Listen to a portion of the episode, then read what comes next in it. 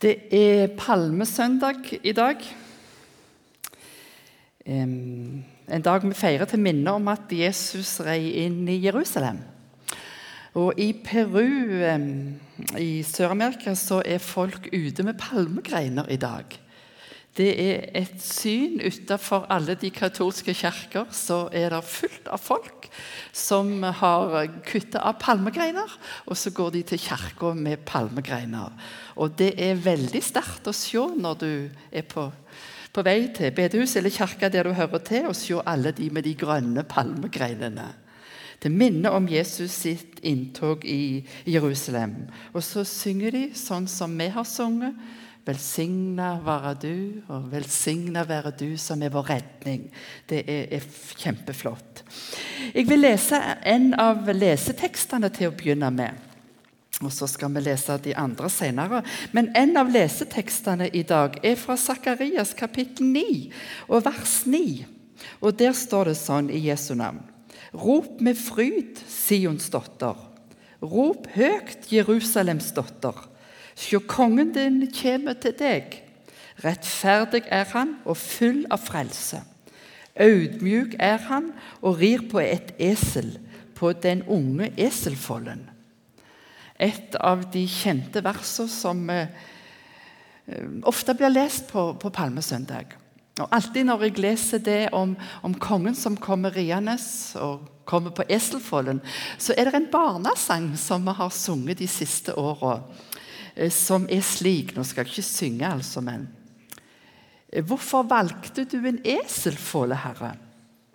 Du kunne i det minste valgt en hest.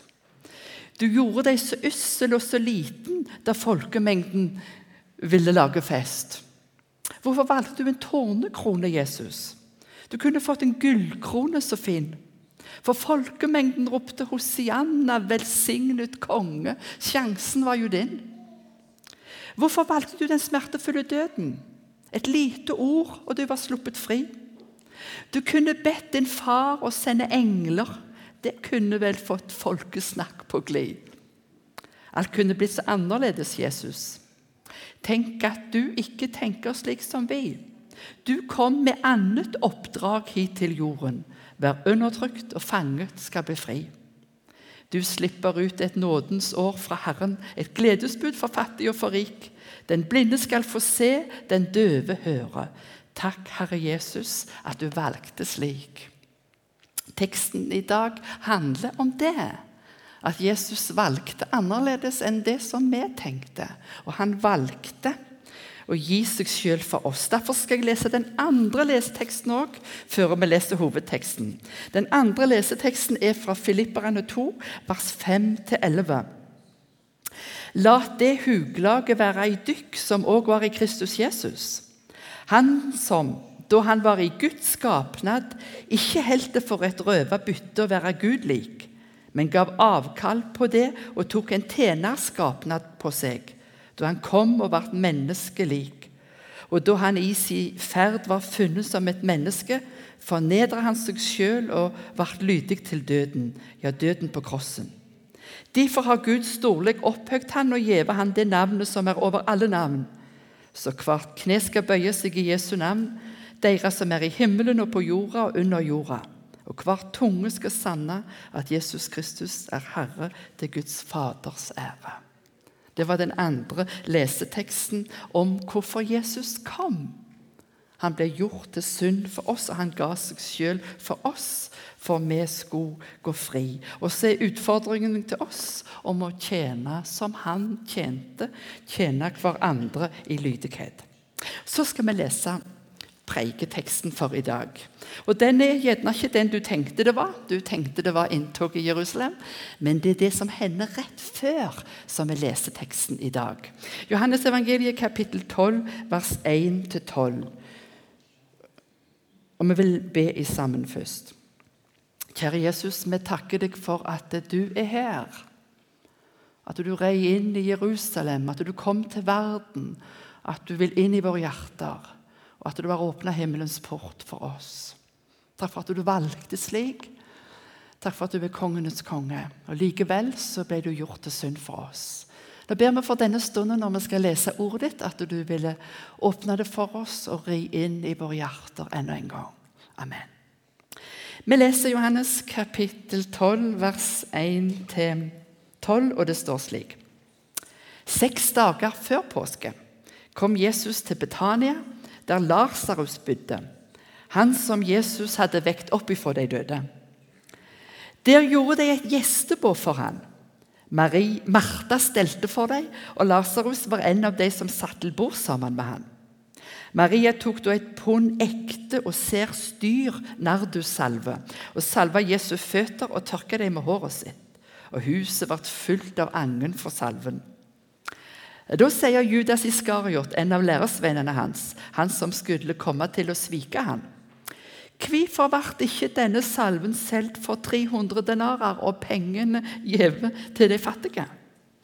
Men dette sa han ikke av de han hadde omsut for de fattige, men av de han var en tjuv. Det var han som hadde pengepungen, og han tok av det de la i ham. Jesus sa da, 'La henne være. Hun har gjemt salven til gravferdsdagen min.' For de fattige har det alltid hjå dykk, men meg har det ikke alltid. En stor mengde av jødene fikk vite at han var der. Nå kom de dit, ikke bare pga. Jesus, men også for å se Lasarus, som han hadde vekt opp for de døde. Men da øversteprestene la planer om å drepe Lasarus òg, fordi mange av jødene gikk dit for hans skyld og trodde på Jesus. Dagen etter fikk den store folkemengden som var kommet til høgtida, høre at Jesus var på vei til Jerusalem. Og Det er da de rykker ut med palmegreinene. Men vi skal stanse ved det som er teksten i dag. Det er så flott, det som står. Vi er i Betania. Og det er altså en sånn en varm klang i det ordet å høre om Betania for oss som, som, kjenner bibelhistorien. Vi blir varme når vi hører Betania. Der bodde Martha og Maria og Lasarus. Og der kom Jesus så ofte innom og følte seg hjemme og slo seg ned der. Jeg syns det er en sånn varm klang med Betania. Jeg hadde to tanter og en onkel som ikke var gift, og de bodde sammen i et hus. altså. Å komme der, det var toppers, altså. Helt sånn. Og jeg kalte det 'Nå går jeg til Betania', sa jeg da jeg gikk til deg. Og når jeg leser her, så tenker jeg åh, så heldig at Jesus hadde et Betania som han kan gå inn i. Spesielt i denne uka. Jesus hadde vært der mange ganger før. Denne uka kom han der til hver kveld, mandag og tirsdag og onsdag. Det var godt for han å ha noen rundt seg og være der før han skulle lie og dø. Det var godt for Jesus òg at han hadde noen venner i Betania før han skulle kjempe kampen for oss. Han hadde vært der mange ganger før. Men jeg husker når han var der, og Martha tjente og tjente og tjente og svinsa rundt. vet du, og, og, var så opptrekt, for hun måtte tjene han alene. Det var den gangen Maria satte seg ned og hørte på Jesus, og Jesus sa at hun hadde valgt den gode delen. Den hadde Martha òg valgt. Og den hadde Lasarus òg valgt. Å få høre hva Jesus hadde å si, og hva Jesus hadde å gi. altså. Det hadde de fått med seg alle i sammen. I kapittelet før har òg Jesus vært i, eh, i eh, Betania. Og da har han vekt opp Lasarus, som var død. Hadde leid fire dager i grava. Og så hadde Jesus kommet, og så hadde han sagt disse veldige ordene som står i vers 25 og 26 i kapittel 11. Jeg er oppståa og livet. Den som tror på meg, skal leve om han så dør. Og hver den som lever og tror på meg, skal i all eve ikke dø. Tror du det? Det hadde han sagt. Det hadde de hørt noen dager før. Og så hadde han demonstrert det. Og så hadde han vekt Lasarus opp ifra de døde. Som et vitnesbyrd om livet og om seg sjøl, altså. Maria falt for føttene hans den gangen òg, står der. I dag gjør hun noe annet med Jesus. Der står at Jesus sa til Lasarus, 'Løs han', sa han, og la han gå. Men seg sjøl ga han hen til døden. Og Det er det vi skal gå inn i nå, at Jesus skal ga seg hen i døden. Denne dagen er liksom innledningen til, til det som skjer i påskeveka. Nå er timen kommet. Jeg har hørt på Barack Obama når han har talt. Han sier om igjen og om igjen 'Now is the time', sier han. Nå er tida kommet, sier han, for change, for forandring. I Bibelen er det én time som var planlagt av Gud. Det var timen når Jesus skulle gjeves over i syndere sine hender. Og det er det vi nærmer oss mot nå. Timen.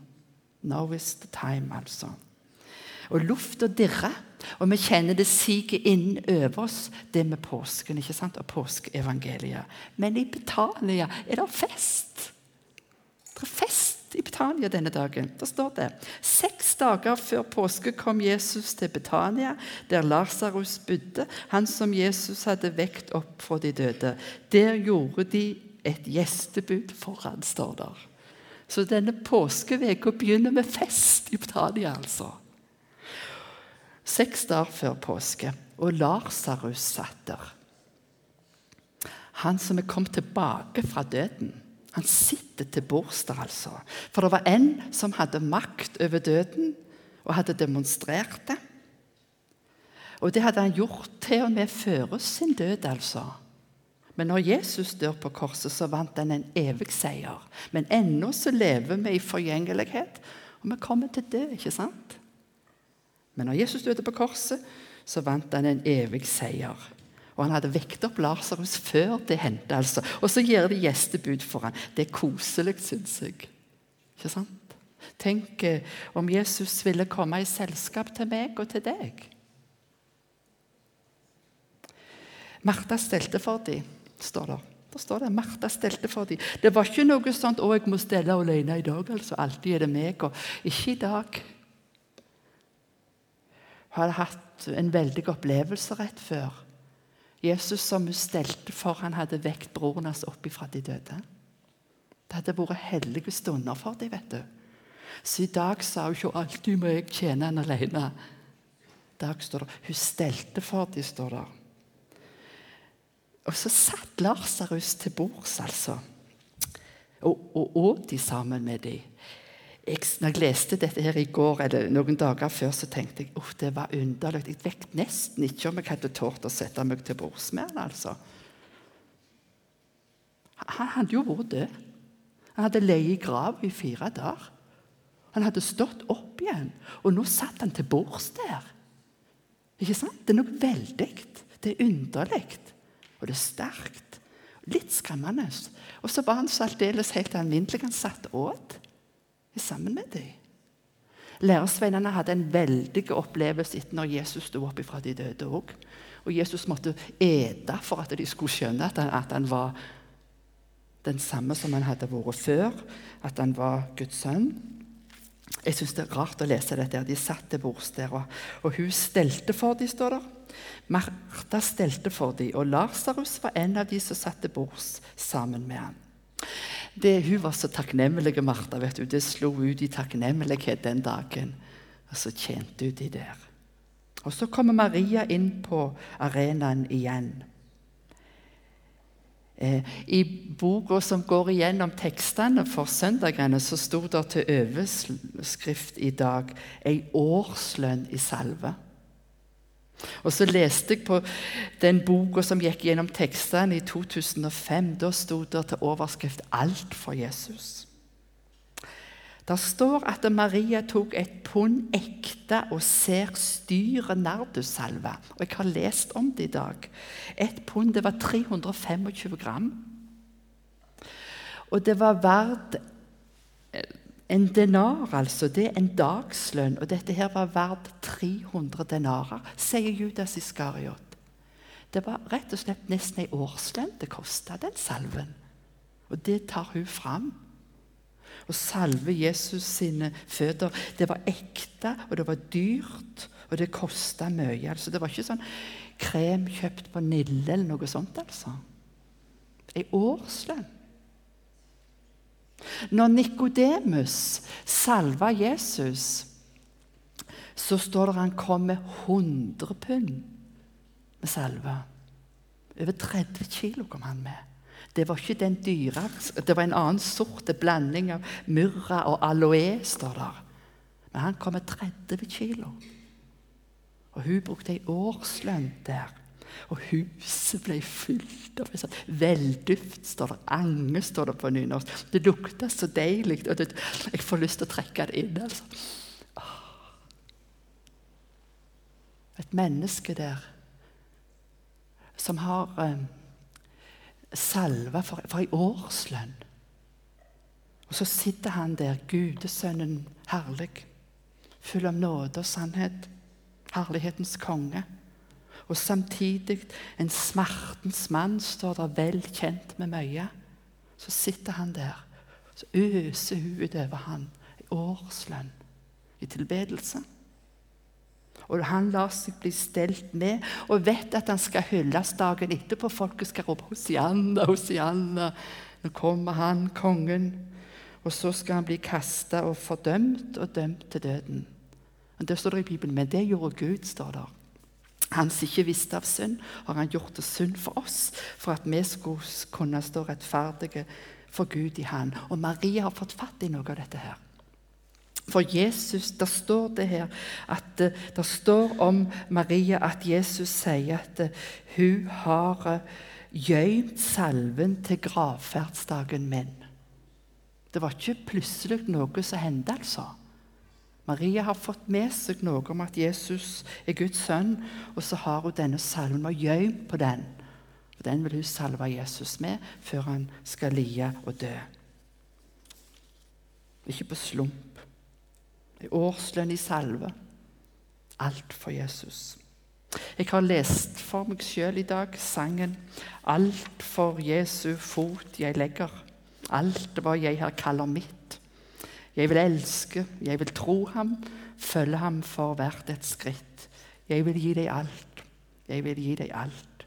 Du skal råde, kjære falser, jeg vil gi deg alt. Hva har vi å gi? Det var Marias gudstjeneste den dagen. Ga alt til Jesus. Hva har vi å gi? Hvordan vil vi tilbe og tjene Jesus, jeg og du, i dag? Judas sitter. Gledesdreberen og mukke. Uff, jeg blir så lei av sånne som han. Jeg er borti det sjøl så mange ganger sjøl, altså. Han sitter så kritisk. For et sløseri, tenker han. Så mye. Ei årslønn. Kunne ikke klart seg med noe mindre. ikke sant?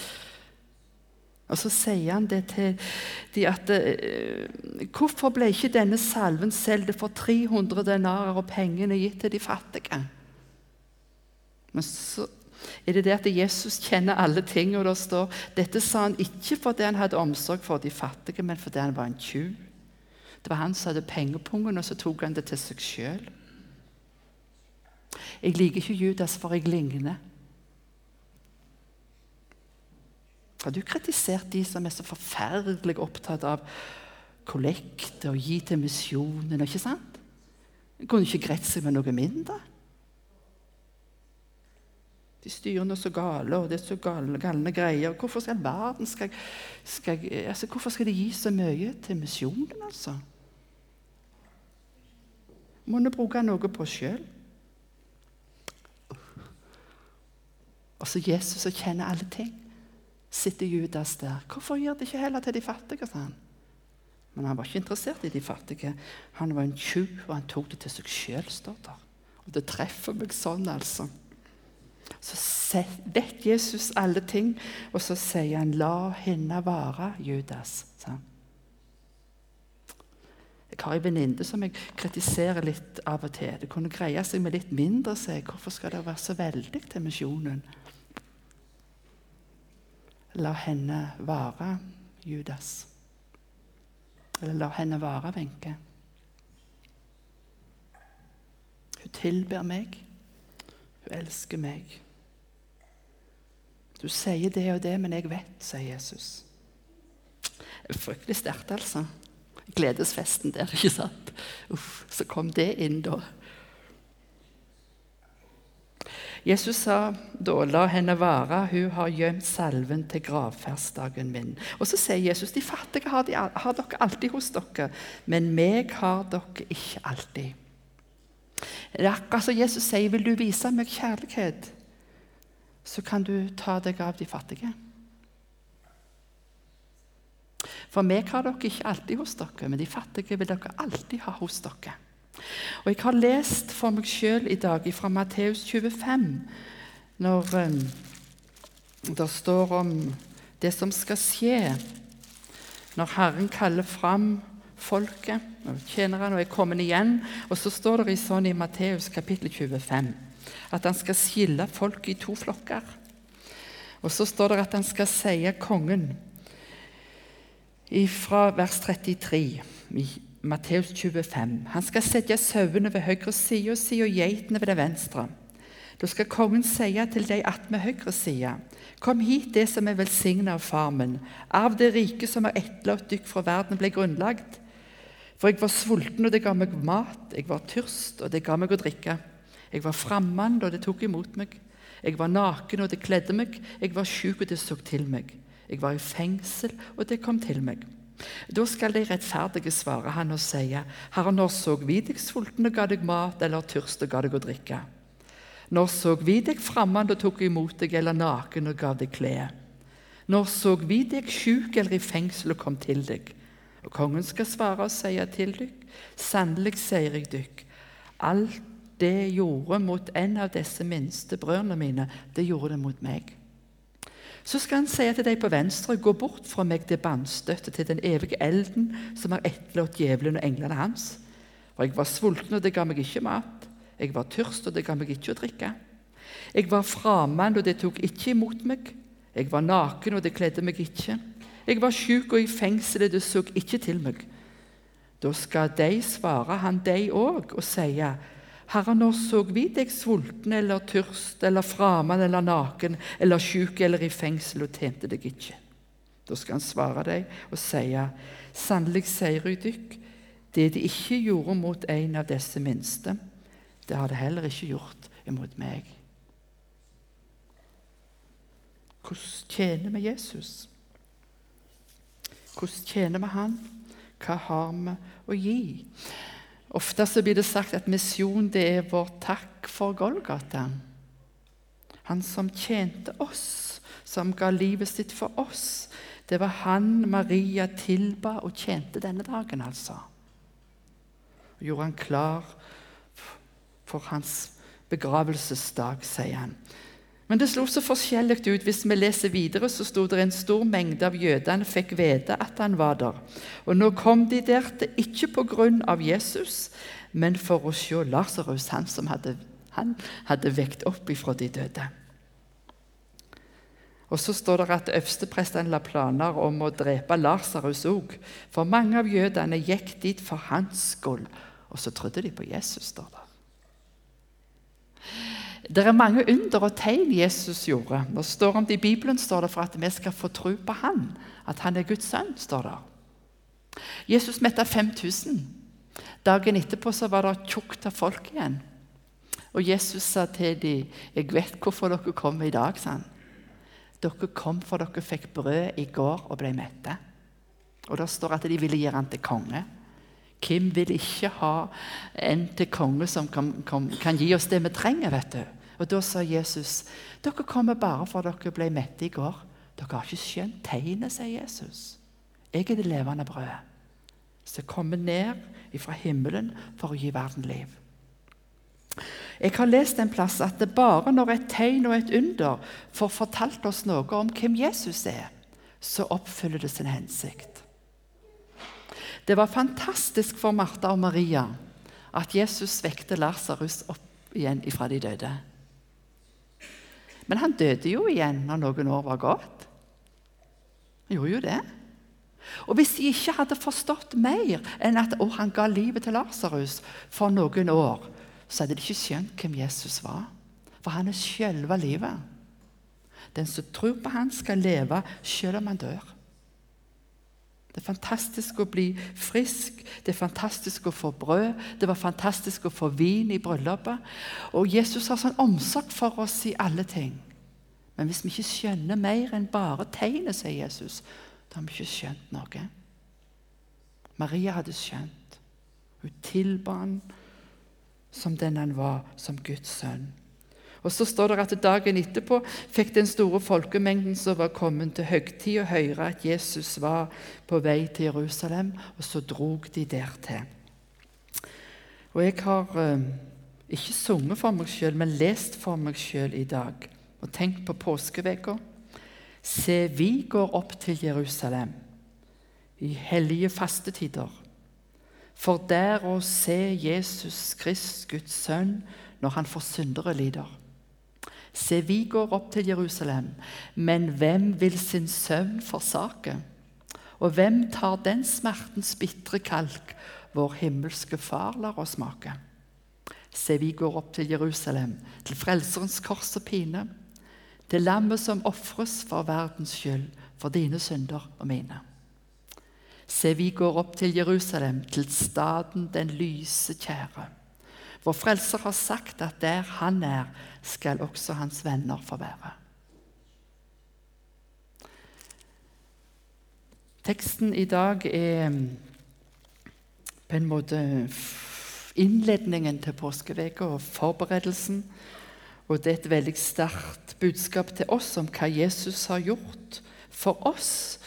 Og òg um, et nydelig bilde av Maria som tjener ham og tilber ham. Og så ber Jesus oss om å, å være med og tjene ham.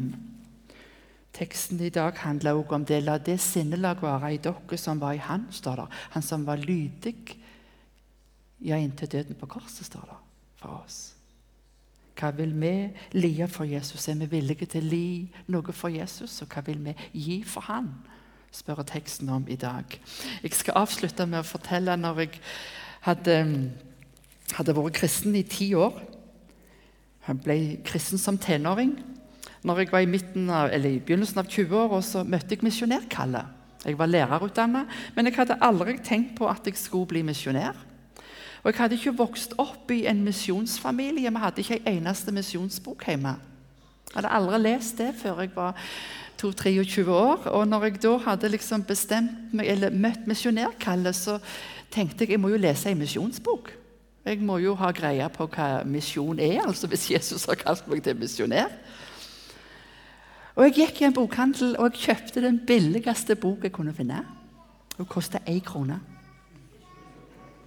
De venter Asbjørn Aavik. Én krone, står det. Denne utgaven her er trykt i 1963, men den første boka ble utgitt i 1939. Jeg reiv i ei krone og kjøpte min første misjonsbok. For jeg hadde møtt eh, ordet fra Jesus. Jeg har gitt alt for deg. Hva vil du gi for meg? Hva gir du til meg? Hvordan vil du tjene meg? Hvis du tror at det er sant, det som står om Bibelen, i Bibelen om meg, hva vil du gjøre med det? Så leste jeg Nå skal dere få et lite avsnitt. Asbjørn e. Aavik heter forfatteren. Kinamisjonær. Han skriver om det som han kaller å være hedning. Hedning er et ord vi ikke bruker så mye i dag. Det brukes I Bibelen da brukes det om de som ikke, ikke var jøder. Alle andre folk, altså. Som ikke, de som ikke hørte til Israel, til jødefolket. Alle de var hedninger. Asbjørn Aavik bruker det om den som ikke har hørt om Jesus. I dag vil vi bruke det om å si de unådde, de som, ja, som, ikke, som ikke nådde med evangeliet, enten de bor i Norge eller de bor en annen plass. Men Asbjørn Aavik bruker det om den som ikke har hørt om Jesus. Og han skrev om hedning, altså. sånn at uh, Hør hva han skriver. Hedning, sa han. Han tar utgangspunkt i den bortkomne sønnen. Han som hadde vært hos far, og som reiser ut i det fremmede landet så skriver han hedning. Det er å være i landet langt borte og ikke vite om Faderhuset. For det var den yngste sønnen sin redning da han kom til seg selv i det fremmede landet. Han hadde minnene med, og så fant han veien tilbake. Og det er din redning som fikk vokse opp i et kristent land. Kanskje du òg samlet alt ditt sammen og dro bort til det fremmede landet. Og når du samla sammen alt ditt, så var òg alt det du hadde hørt, og alt det du hadde lært om Gud. Og det ble den redning den dag du våknet, og det lyste deg veien hjem. Knallheldig, han bortkomne sønnen. Han var knallheldig. Han hadde vært i Faderhuset, hadde hørt om Gud, og han visste hvordan det var. Den redning har ikke hedningen. Han vet ikke veien. Han bærer intet med seg bort, kun lenkene som binder. Han hørte ikke en eneste gang gjennom hele sin barndom at det var en frelser som het Jesus. Han reiste og visste ingenting, og det var intet som dro ham tilbake. Men da må vi ile med bud til dem, bud fra Faderhuset. Vi som selv fant veien hjem. Det er misjonsoppgaven. Og derfor haster det. Hedning det er å ha en arv i vente gjemt hos Gud uten at noen har fortalt det. Det er å være kjøpt med Jesu dyre blod, men ingen har forkynt dem det budskapet. Det er å være innelukket og dog utelukket. Det er å være reddet og likevel gå under, og det er mye, mye mer. Men hvorfor? Fordi vi ikke har brakt dem bud. Hedning det er å være barn, være ung, være voksen mann og kvinne, bli gammel og dø, uten en eneste gang å ha hørt Jesu navn nevnt. Ei krone. Men sterke saker, altså. Jeg fant ingen unnskyldning. Jeg tenkte jeg vil tilbe Jesus. Jeg vil tilbe Jesus. Jeg skal gi livet mitt til å vitne om Han.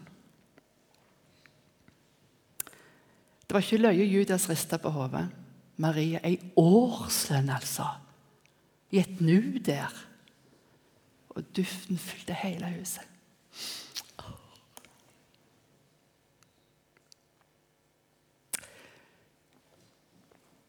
Jeg skulle ønske det i denne påsken at vi fikk lyst, lyst liksom, til å trekke inn den der duften